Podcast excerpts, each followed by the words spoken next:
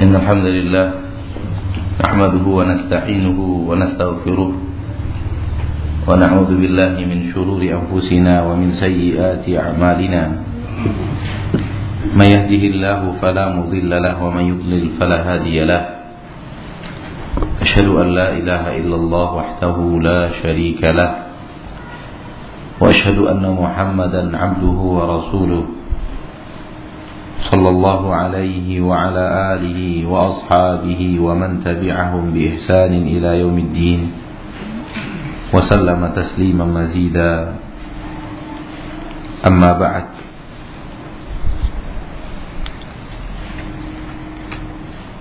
Alhamdulillah yang kembali mempertemukan kita di majlis di mana kita ingin mendekatkan diri kita kepada Allah dengan ketaatan. Terutama dengan mempelajari ilmu. Seorang akan lebih mudah untuk mendekatkan dirinya kepada Allah. Apatah lagi kalau ilmu yang ia pelajari itu adalah tentang tauhid dan akidah maka dia akan lebih mudah lagi untuk bisa lebih mendekatkan dirinya kepada Allah tabaraka wa taala disebabkan ilmu yang paling agung dan paling mulia di permukaan bumi adalah ilmu tauhid. Tidak ada ilmu yang lebih agung di dalam syariat Islam melebihi ilmu tauhid. Kenapa? Karena agungnya sebuah ilmu bergantung dengan keagungan apa yang dipelajari oleh ilmu tersebut. Mulianya suatu ilmu se sesuai dengan kemuliaan yang ingin kita pelajari dengan ilmu tersebut. Ketika tidak ada yang lebih agung lebih mulia daripada Allah tabaraka wa taala bahwa menunjukkan itu ilmu tentang Allah itulah ilmu yang paling mulia. Tidak ada lagi ilmu yang lebih mulia melebihi ilmu yang dengannya kita belajar tentang Allah. Karena Allah, Waalaikumsalam, asyraful ma'lumat. Asyraful ma'lum. Allah adalah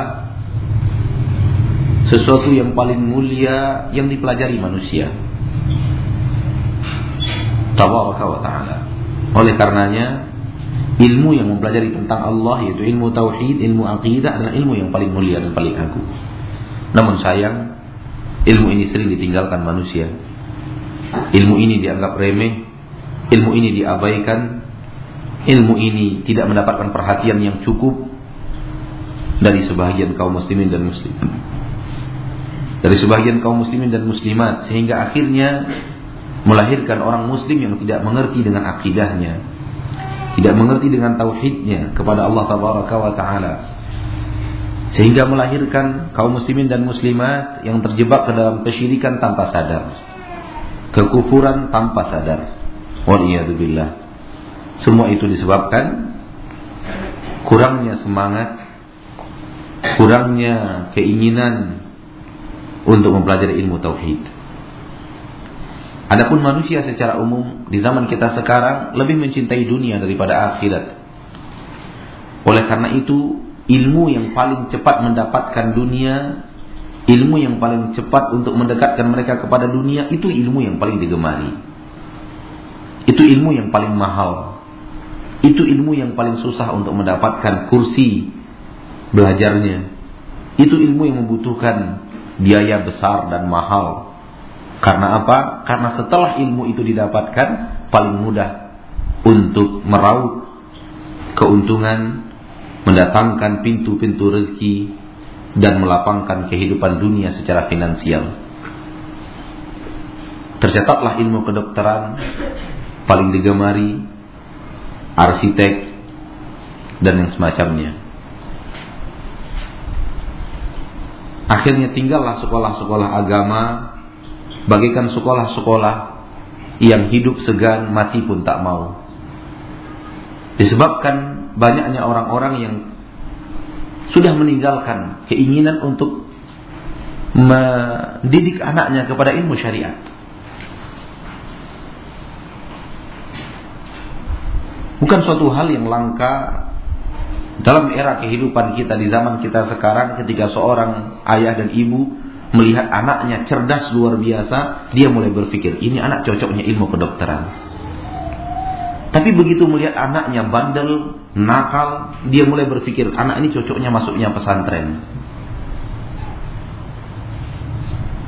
Kalau kemudian pesantren dipenuhi oleh anak-anak nakal dan bandel, siapa orang-orang cerdas yang akan kemudian menggantikan kedudukan para ulama? Wajar kalau kemudian ulama ulama sangat langka di Indonesia. Karena memang ternyata yang tampil itu anak-anak bandel yang sedikit pintar kayak kita.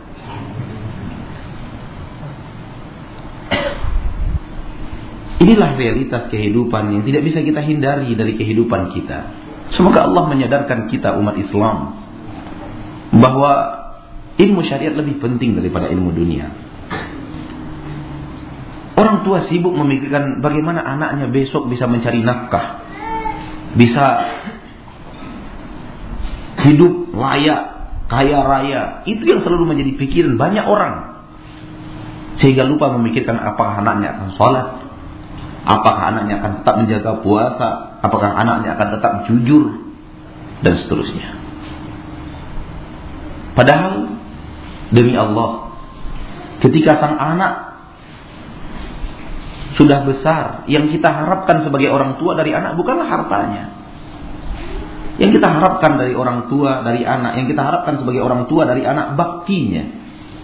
Baktinya kepada diri kita, kasih sayangnya, sopan santunnya, adabnya, akhlaknya, dan itu tidak didapatkan dalam ilmu kedokteran. Dan ini tidak didapatkan dalam ilmu arsitek, ilmu teknik sipil, nggak ketemu adab dan akhlak bakti kepada orang tua itu. Itu hanya ditemukan dalam ilmu syariat. Di mana anak rela mengorbankan apa yang akan dia makan asal orang tuanya makan terlebih dahulu. Itu hanya ada dalam ilmu syariat. Kemudian saya mengatakan bahwa seandainya kita buat sebuah ilustrasi ringan. Si A dari seorang ayah kaum muslimin memiliki dua orang anak. Anak yang pertama kaya raya. Ayah anak pertama mempunyai rumah yang sangat megah. Kemudian kendaraan-kendaraan yang sangat mewah. Sementara anak kedua hidup berkecukupan ala kadarnya. Rumah pun ngontrak, kamar cuma dua, satu untuk dia dan istrinya, satu untuk anak-anaknya. Kalau kita si ayah mau tinggal di rumah itu nginap harus tidur di ruang tamu dengan kasur busa ala kadarnya. Namun dalam perjalanan apabila si ayah ini tinggal di rumah anaknya yang rumah mewah, mobil mewah, setiap bulan Anaknya yang kaya raya itu memberikan uang setengah mencampakkan ke depan dirinya seraya berkata, "Nih, ambil nih 10 juta upah kamu ketika membesarkan saya." Cukup itu kata yang dikeluarkan sekali dalam sebulan. Sambil berikan uang setengah lempar. Adapun anaknya yang hidup di rumah kontrakan, santun, tidak ingin menyinggung kata-kata, menyinggung perasaannya walau dengan kata apalagi dengan sikap, selalu memperhatikannya, selalu sayang kepadanya. Jujur saja, ayah yang normal akan pilih tinggal di mana? Di rumah anaknya yang gedung atau di rumah anaknya yang kontrakan? Di rumah anaknya yang kontrakan. Hanya itu yang dilakukan oleh seorang anak kepada ayahnya. Dia tidak pukul, dia tidak caci, tidak maki. Orang tua tidak akan tahan untuk tinggal di rumah anak yang seperti itu.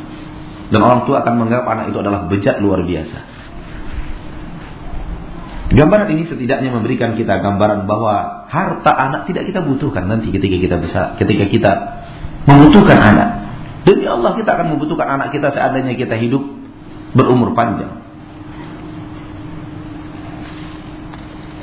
Oleh karena itu, kenapa kemudian di dalam pendidikan anak banyak orang tua yang melupakan akidah, tauhid, syariat, ilmu syariat anak-anaknya dan sibuk memikirkan ilmu dunia yang pada akhirnya ilmu dunia itu tidak mengantarkan anaknya kepada anak yang berbakti kepada orang tua. Saya memiliki seorang teman bercerita, katanya di Pekanbaru ini saya tahu seseorang lalu dia sebutkan namanya orang tua ini dianggap orang tua yang sangat sukses mendidik anak. Sangat sukses mendidik anak. Dia punya tiga orang anak laki-laki, semuanya kata orang anaknya ini yang ketiga-tiganya jadi orang. Jadi orang semua anaknya. Hah? Jadi anak tetangganya nggak ada yang jadi orang, anak dia aja yang jadi orang. Dua saudagar besar dan satu dokter terkenal. Nyaris semua orang mengatakan bahwa orang tua ini adalah ayah yang sukses mendidik anaknya. Tetapi ketika kematian datang menjemput, dua anaknya saudagar kaya ada di luar negeri nggak bisa pulang. Tinggal satu anaknya yang berstatus dokter sedang ada di Pekanbaru. Ketika jasad sang ayah terbujur di rumah duka, sebelum dimandikan, ia pun menghadap kepada keluarganya seraya menyerahkan amplop sebesar 50 juta. Kemudian dia berkata, tolong selenggarakan jenazah ayah karena saya tidak bisa mengundur seminar saya pembicara satu-satunya di Bali. bukti bahwa dunia tidak akan memberikan apa pun kepada kita dari anak-anak kita. Kalau kita tidak mendidiknya kepada syariat. Kalau anak itu anak soleh demi Allah, apa pun acara akan dia batalkan. Walaupun dunia akan teriak dengan ketidakhadirannya. Karena dia sudah di hadapan jasad orang tuanya.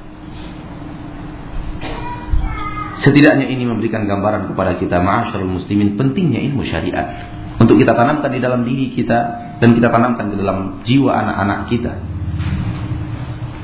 Terlebih lagi ketika saya pernah berbicara dengan salah seorang saudagar sukses di salah satu kabupaten di provinsi Riau ini dalam sebuah perjalanan umroh, saya sempat bertanya kepadanya, apa rahasia kesuksesan Bapak dalam berdagang?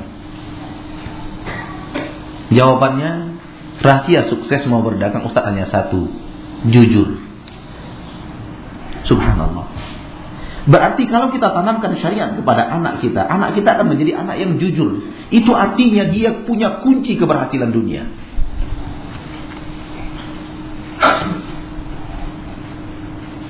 Apatah lagi kalau kemudian bukan hanya jujur yang dia miliki.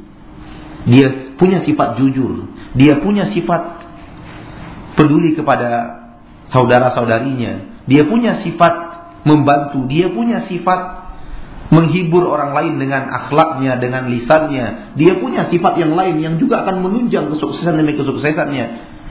Kalau dia dengan sifat itu ingin meraih dunia, insya Allah Allah akan berikan. Terakhir, kepada seluruh orang tua yang sibuk memikirkan masa depan anaknya, kepada seluruh orang tua yang gentar memikirkan kehidupan masa depan anaknya. Mohon Anda mundur ke belakang sejenak. Mohon orang tua yang seperti itu yang selalu gentar dan gentar, gentar dan gentar memikirkan masa depan anaknya mundur ke belakang. Apa yang Anda dapatkan sekarang? Anda berasal dari keluarga siapa? Sekarang kita punya mobil satu, dua, tiga. Orang tua kita punya apa? Demi Allah, mayoritas orang-orang yang sukses dalam ukuran dunia, mayoritas berasal dari keluarga miskin. Bukan keluarga kaya. Kalau orang tua kita nggak pernah punya sepeda motor, kita bisa beli mobil. Yakinlah kita bahwa Allah bisa memberikan kalau Allah mau kepada anak kita yang lebih daripada apa yang kita miliki. Oleh karena itu sifat orang mukmin ma'asyarul muslimin dan muslimat yang sudah bertauhid dan berakidah dia tidak akan takut berhadapan dengan masa yang akan datang untuk dirinya dan anak-anaknya. Baik, kita lanjutkan apa yang sudah kita mulai dari bantahan terhadap perkataan sebagian orang-orang yang melakukan kesyirikan Dan kita sampai kepada bantahan yang ketiga.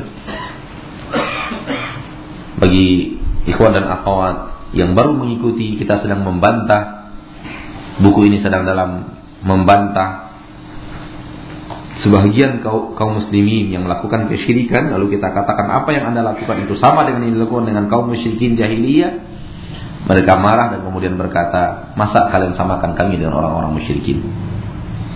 Mereka tidak percaya kepada hari kiamat, tidak syahadat, tidak zakat dan semacamnya.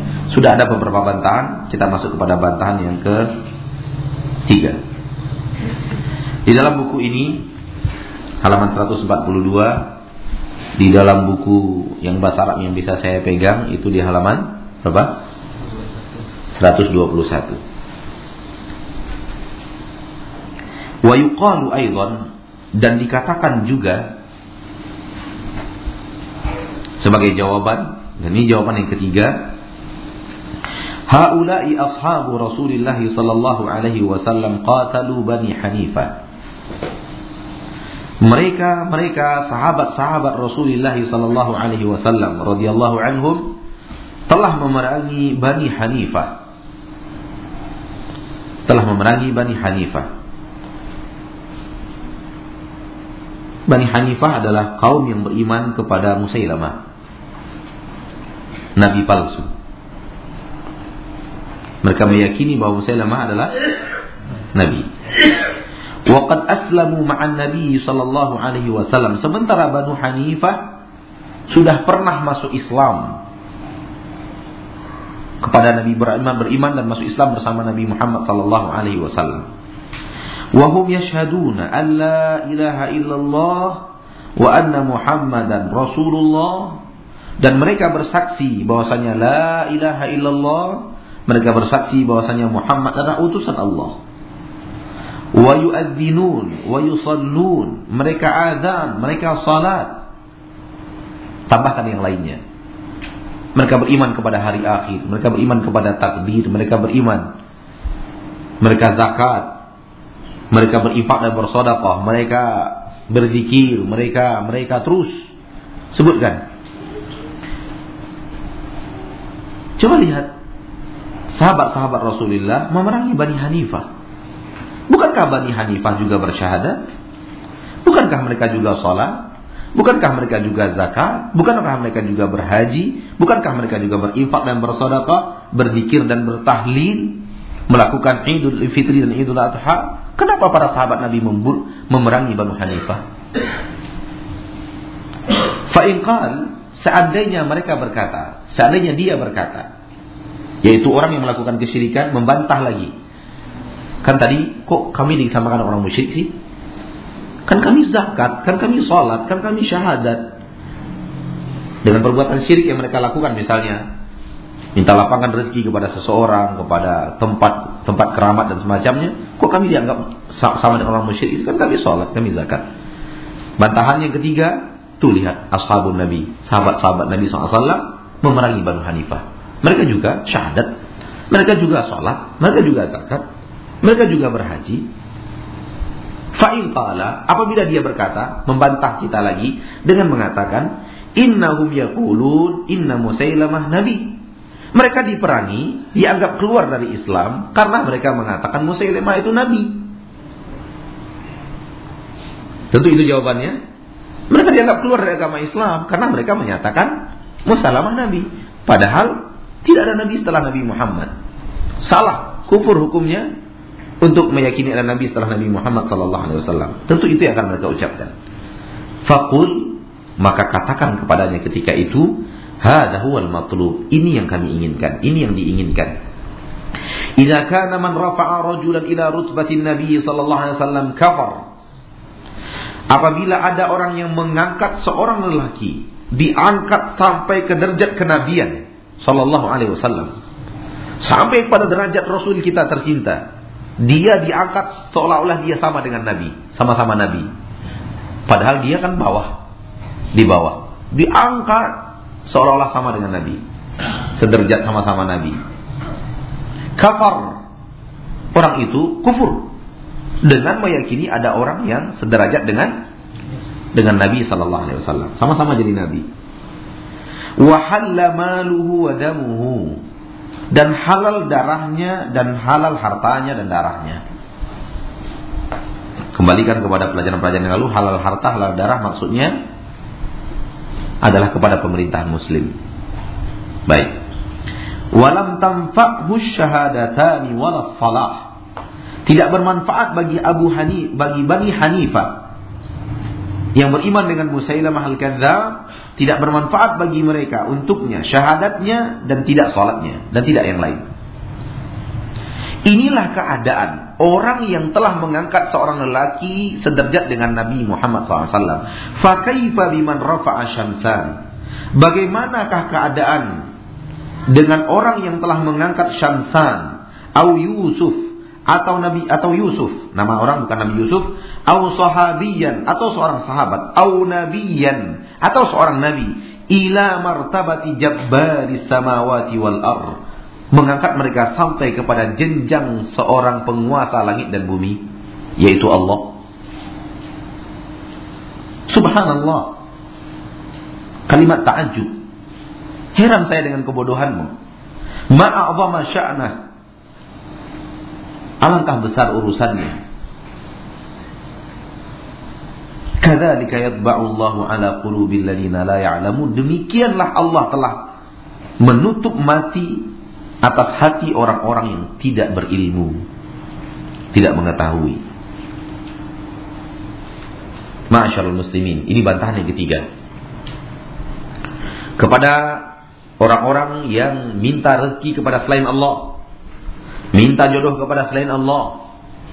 Minta dibanyakkan konsumennya kepada selain Allah. Dijaga tokonya dari mahara bahaya kepada dia minta kepada selain Allah.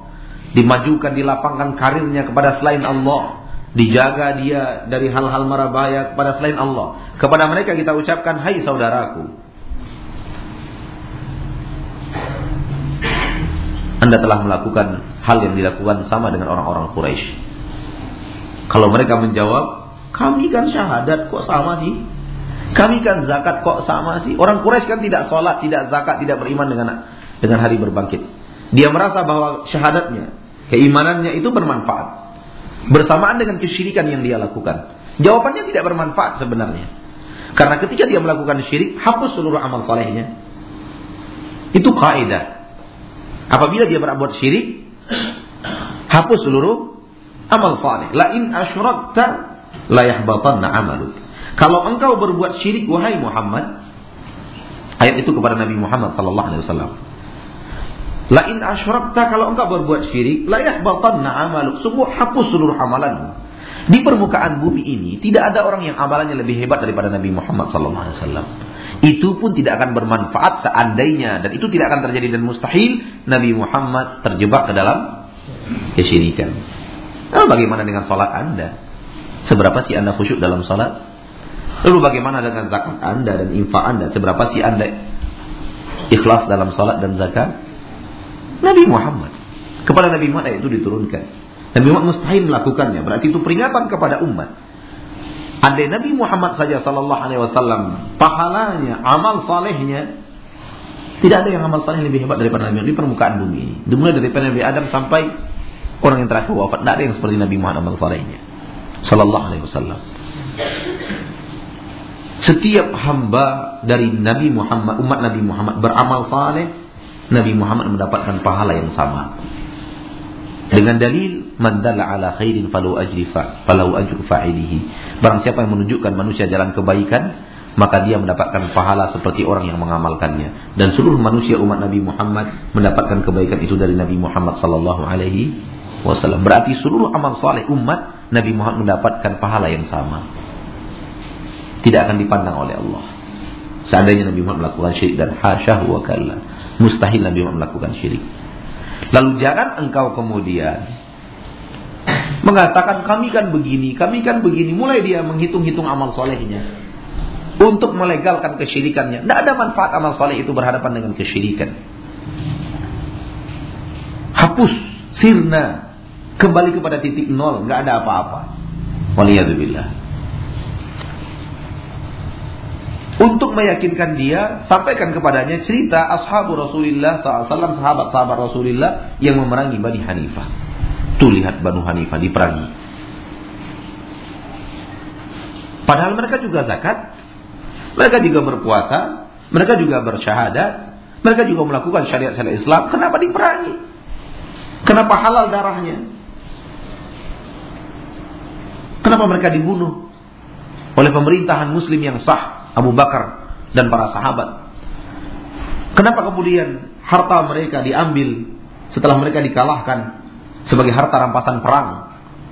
Seperti diperlakukan seperti orang musyrik oleh pemerintahan muslim yang sah dan kuat ketika itu.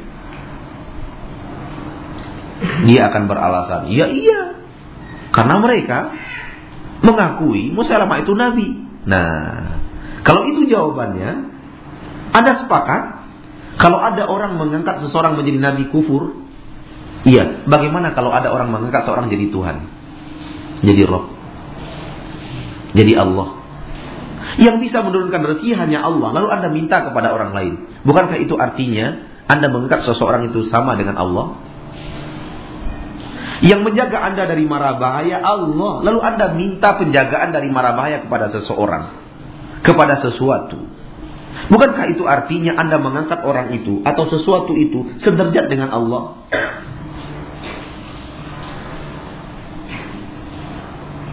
Hanya Allah yang tahu yang gaib seperti yang Allah terangkan di dalam Al-Qur'an. Qul la ya'lamu wal ghaiba. Katakan bahwa tidak ada yang tahu yang gaib kecuali Allah di langit dan di bumi. Tidak, ada yang tahu kecuali Allah. Lalu Anda meyakini ada tuh Kiai Anu, Ki Joko Bodo anu. Ki Gendeng anu. Namanya aja udah bodoh, gendeng. Tuh, dia kini punya ilmu gaib. Subhanallah. Berarti Anda mengangkat orang itu sederajat dengan Allah, sama-sama tahu yang gaib. Berarti Anda mengangkat manusia, benda sederajat dengan Allah Taala. Anda meyakini Allah mampu untuk menolak mara bahaya, Anda juga meyakini benda ini mampu menolak mara bahaya. Anda meyakini Allah yang menurunkan rezeki, Anda juga meyakini bahwa benda ini mendatangkan rezeki. Anda meyakini bahwa benda ini bisa, Allah bisa mendatangkan jodoh kepada manusia, Anda juga meyakini benda ini bisa mendatangkan jodoh kepada manusia. Tuh lihat. Disamakan benda dengan Allah, disamakan seseorang dengan Allah. Sampai jenjang Nabi aja jadi kafir. Apalagi sampai ke jenjang Allah. Namun ini banyak tidak disadari. Sehingga kemudian bertebarlah penyakit kesyirikan di tengah masyarakat. Bercinta kepada saya, saudara-saudara kita yang tinggal di pasar dan beraktivitas di pasar. Wallahu alam. Kalau dia dusta berarti dia yang berdusta bukan saya. Saya hanya menyampaikan kata-katanya dan mudah-mudahan dia tidak berdusta.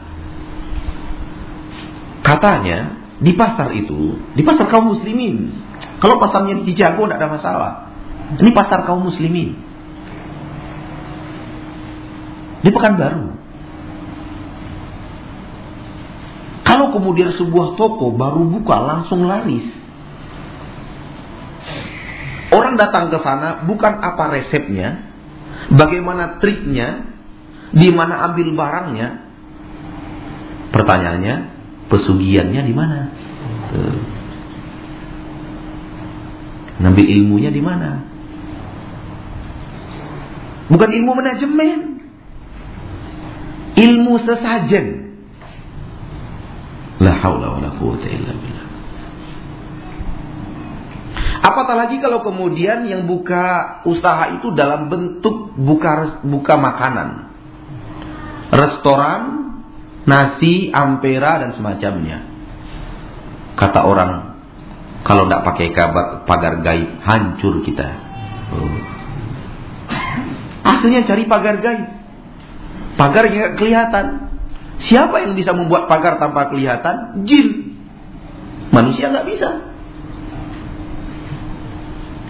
Jin yang bisa akhirnya minta tolong kepada jin. Berhubung si orang yang akan membuat restoran ini nggak bisa berteman dengan jin, dia cari orang yang bisa punya link persahabatan dengan jin. Pergilah dia kepada dua jenis manusia, salah satu di antara dua jenis manusia, dia bisa pergi kepada orang-orang yang mendekati jin dengan katanya jalur hitam atau orang yang mendekati dan bersahabat dengan jin dengan katanya jalur putih. Yang kedua-duanya sama-sama hitam.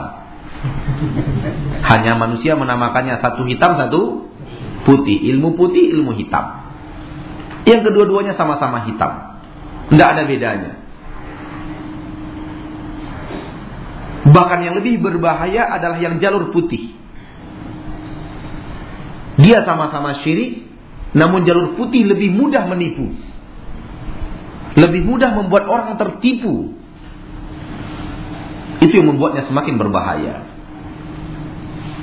Apalagi di tengah masyarakat yang sangat meyakini bukti orang soleh itu bisa macam-macam. Dari hal-hal yang aneh-aneh dan menakjubkan yang tidak bisa dikerjakan oleh manusia. Maka ilmu putih akan semakin berbahaya. Dia akan lebih mudah menyeret manusia ke dalam kesyirikan tanpa sadar. Berkata salah seorang manusia yang namanya tidak perlu saya sebut karena terlalu terkenal. Saya takut menimbulkan fitnah. Ia mengatakan, musyawarah besar kami sekarang ini dikawal oleh tujuh ribu jin. Tuh. Nggak malu mengikrarkan dia sebagai sahabat-sahabat jin. Nggak mau. Kenapa? Karena masyarakat dia sudah ukur masyarakat. Dia mengetahui masyarakat mayoritas mengetahui bahwa orang-orang soleh itu biasa punya sahabat jin. Dia katakan mubes kita, musyawarah besar kita dikawal oleh ribuan jin. Tujuh ribu jin sudah dikerahkan untuk mengawal. Tanpa rasa malu, tanpa rasa bersalah, dan tanpa kritikan pada waktu itu. Masyarul muslimin wal muslimat rahimani wa rahimakumullah. Oleh karena itu, jauhi pertama kali tanamkan ke dalam diri kita ilmu tauhid. Allah itu seperti apa? Bagaimana sifat-sifatnya? Apa yang ia kerjakan? Setelah itu kita baru tahu tidak boleh mengangkat orang lain seperti itu. Di sini kata kuncinya. Kata kuncinya adalah kita harus tahu Allah dan sifat-sifat Allah. Allah dan asma'nya dan sifatnya. Allah dan apa yang ia kerjakan sesuai dengan keterangan yang turun kepada kita dari Al-Quran dan hadis. Ketika Allah mengatakan Allah yang menciptakan langit dan bumi, tidak boleh ada orang lain yang kita nyatakan menciptakan langit dan bumi. Ketika Allah menyatakan Allah yang mengatur langit dan bumi, tidak boleh kita meyakini ada orang lain yang mengatur langit dan bumi selain Allah. Ketika Allah mengatakan saya yang menurunkan rezeki, tidak boleh kita yakini ada orang lain yang menurunkan rezeki. Ketika Allah menyatakan saya yang menolak mudarat dari kalian, tidak boleh kita yakini ada yang lain yang bisa menolak mudarat dari kita. Dan begitu seterusnya. Dengan pahamnya kita tentang Allah, belajarnya kita tentang ilmu tauhid, kita akan terjauh daripada syirik. Banyak orang tidak merasa ketika dia yakini kiainya atau orang tidak pintarnya memiliki ilmu-ilmu seperti itu, dia tidak merasa bahwa dia telah mengangkat orang ini sampai ke derajat Allah Taala. Sehingga kemudian keluar kalimat-kalimat yang menyamakan seseorang dengan Allah.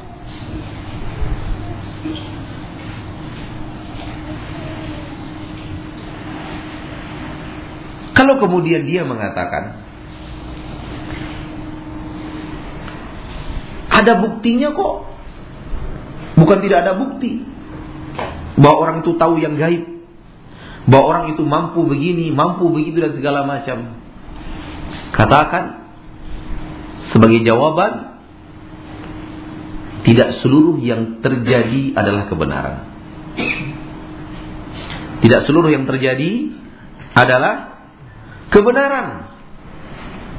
Ini orang salah dalam menyikapi dan mengetahui di mana kebenaran. Terjadi, oh berarti ada. Gitu. Oh berarti benar. Salah. Alangkah banyaknya yang batil juga terjadi. Alangkah banyaknya yang batil juga terjadi. Kalau kemudian kekuatan rezeki dan tumpahan rezeki benar-benar sumbernya dari sesajian dan mantra maka tentu yang paling benar adalah adalah sebuah agama yang sesajiannya paling mengantarkan umatnya kepada rezeki yang melimpah ruah. Betul atau tidak? Demikian kalau demikian adanya, maka Tuhan umat Islam akan kalah dengan Tuhannya kaum Cina. Tuhannya, Robnya umat Islam akan kalah dengan Robnya Jepang. Karena toh kita nggak maju-maju juga. Sementara mereka terus maju menguasai dunia. Dari bidang ini, dari bidang itu, bidang ini mereka terus maju. Umat Islam. Oh berarti yang benar robnya mereka. Karena rezekinya lebih mudah. Pengkabulannya lebih mudah. Oleh karena itu katakan kepada mereka Tidak semua kenyataan adalah kebenaran Di sisi lain, mereka-mereka yang memproklamirkan dirinya mengerti ilmu gaib tersebut benar dalam satu sisi, kenyataan dalam satu sisi, dalam satu kejadian, betapa banyaknya tidak benarnya juga. Namun hebatnya syaitan yang benarnya digembos, yang tidak benarnya ditutupi. Coba lihat realitanya. Sehingga anak kecil bernama Ponari pun akhirnya didatangi oleh ribuan orang setiap hari dengan batu azimatnya yang luar biasa. Tuh. Akidah sudah rusak. Sampai kemudian air comberannya pun diambil. Iya nggak? Begitu kata orang dalam televisi, dalam berita. Saya nggak tahu benar apa endaknya. Kalau dusta berarti televisi itu yang berdusta dalam kabar dan berita dan surat kabar. Air comberannya diambil. Bodoh. Tea dalam bahasa kita.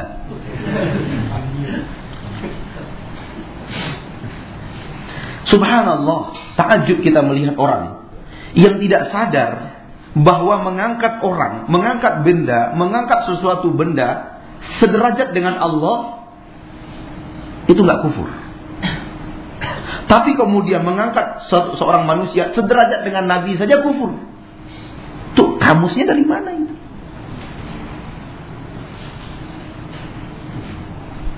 Kalau kemudian dia mengatakan Nabi juga memberitahu kita tentang yang gaib. Bantahannya Nabi juga mengetahui memberitahu kepada kita saya nggak tahu yang gaib.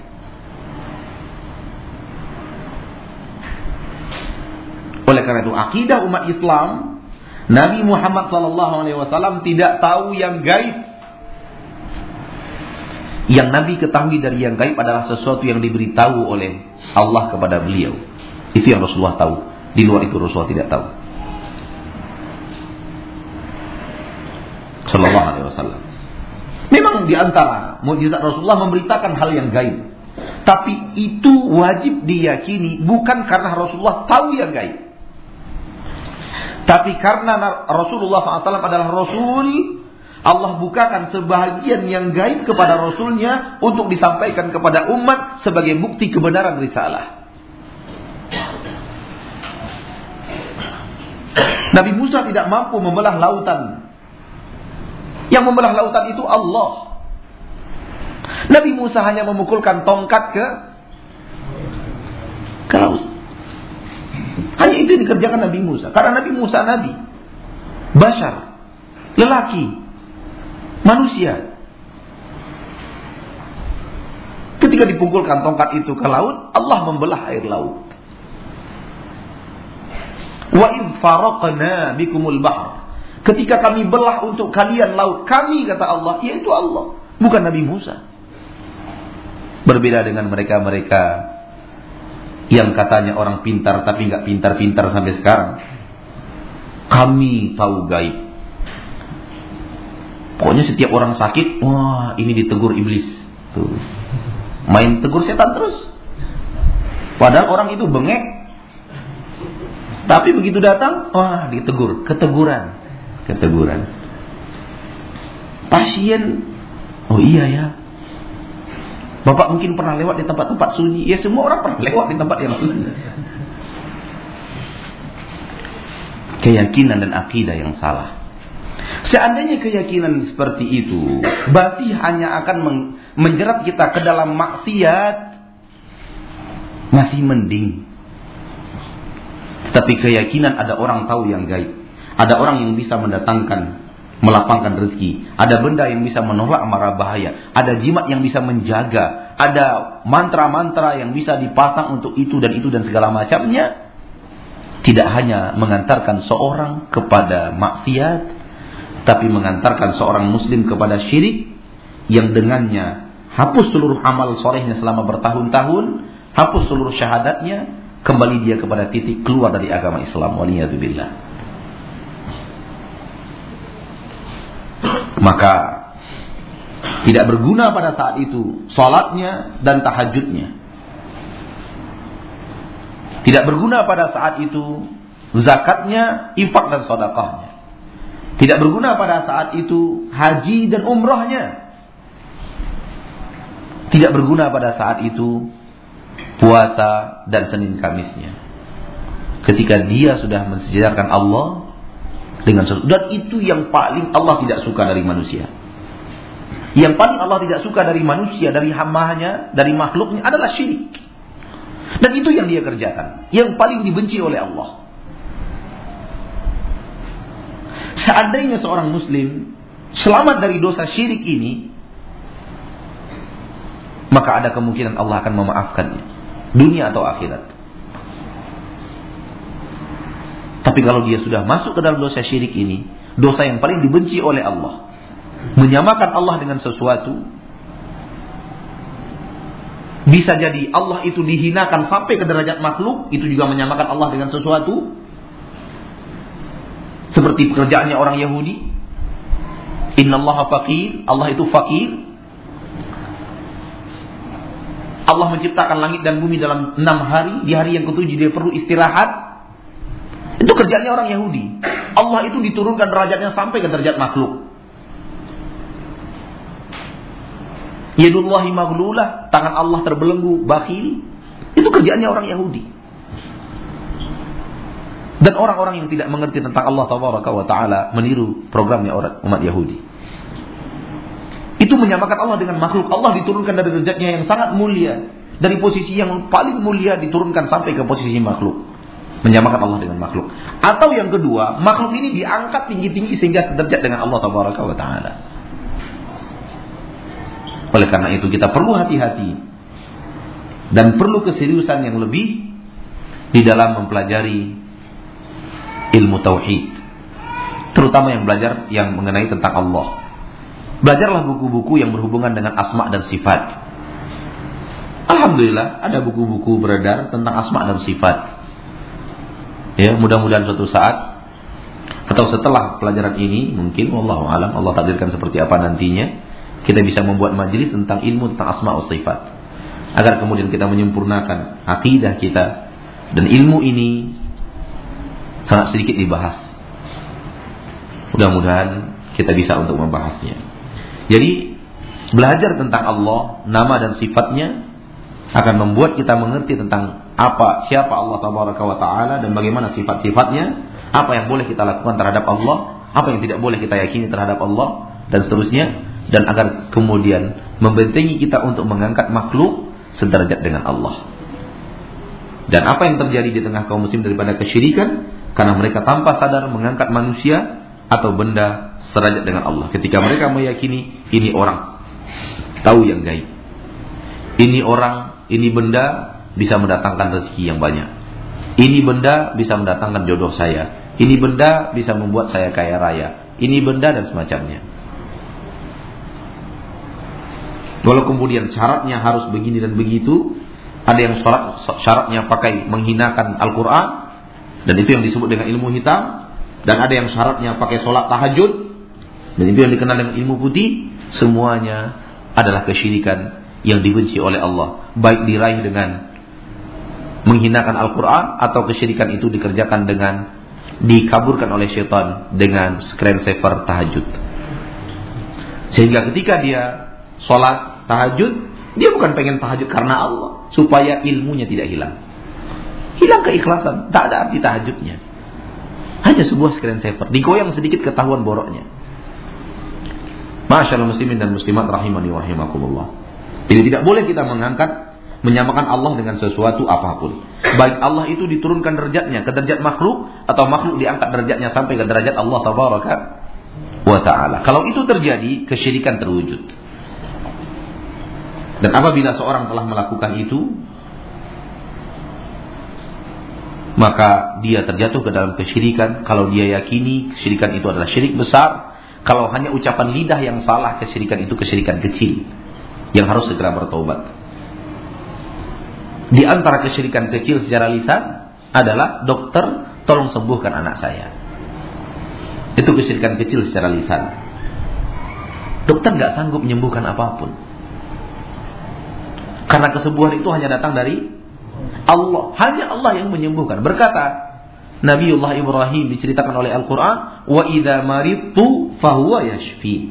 Apabila aku sakit, maka dia Allah satu-satunya yang menyembuhkan saya. Dia yang menyembuhkan saya, nggak ada yang lain. Nabi Muhammad SAW bersabda, Allahumma rabban nasi ishfi anta syafi La shifa'a illa shifa'u. Ya Allah, Robnya manusia, sembuhkanlah ya Allah, hanya engkau lah yang menyembuhkan. Tidak ada kesembuhan kecuali kesembuhan yang datangnya darimu. Ini akidah bahwa hanya Allah satu-satunya yang bisa menyembuhkan. Ketika kita meyakini ada orang lain yang mampu menyembuhkan selain Allah, kita telah mengangkat orang sederajat dengan Allah. Kalau yakin itu dari hati yang paling dalam jatuhnya ke syirik besar. Kalau hanya ucapan lisan jatuhnya ke syirik kecil. Syirik kecil tidak membuat orang keluar dari agama Islam. Tapi dia harus bertobat dari dosa itu. Dan yang banyak terjadi itu. Selamatkan anak saya. Gak bisa dokter menyelamatkan. Sembuhkan dia. Dokter tidak bisa menyembuhkan. Dia hanya bisa berupaya. Oleh karena itu, yang ditanganinya ada yang Selamat dengan izin Allah, ada yang sembuh dengan izin Allah, dan ada yang ditanganinya semakin ditangani semakin semakin hancur. Betul tidak? Bukti bahwa tidak bisa apa-apa manusia. Ada yang kemudian ditangani dokter dengan izin Allah sehat, ada yang ditangani dokter dengan izin Allah wafat. Tuh. Dan bukti bahwa dokter tidak bisa menyembuhkan sama dokter-dokternya sakit. Ya kan? Sakit. Kalau seandainya dia bisa menyembuhkan, dia nggak akan pernah sakit. Sakit disembuhkannya. Sakit disembuhkannya. Tidak ada sakit sakit sampai wafat. Tapi kenapa ada dokter yang jantungan dan seterusnya? Ini menunjukkan bahwa semua itu Allah yang punya. Semua itu Allah yang punya. Maka tidak boleh kita memberikan itu kepada selain Allah, meyakini dari selain Allah tabaraka wa taala. Dan banyaknya sesuatu terjadi dalam kehidupan menunjukkan larisnya sesuatu tersebut. Dan diminati dan digemari. Ketika banyaknya paranormal pasang iklan, itu menunjukkan bahwa mereka adalah dagangan yang sangat laris. Hampir setiap majalah punya iklan dari orang-orang yang menjual kesyirikan. Hampir setiap televisi Apalagi RTV tiap malam.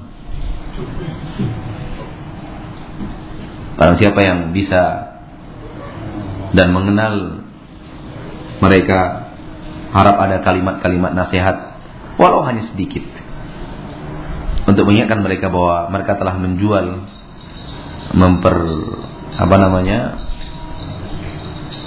memperluas kesyirikan di tengah kaum muslimin. Hanya karena harus bayar 20 juta sekali tayang itu diterima dunia lagi alasannya. Nauzubillah min dalik koran-koran majalah-majalah penuh dengan itu pengobatan alternatif bisa menyembuhkan lalu sederet. Penyakit-penyakit yang dokter angkat tangan dia bisa sembuhkan. Tuh. Itu percaya Ya? Jadi kesalahan manusia yang percaya sebenarnya. Ya. Kemudian melalui media televisi lebih canggih lagi kesirikan dengan SMS. Ketik ramal, rek, apa? Ketik nasib, spasi rek, spasi Mama Loren, apa-apa, kirim ke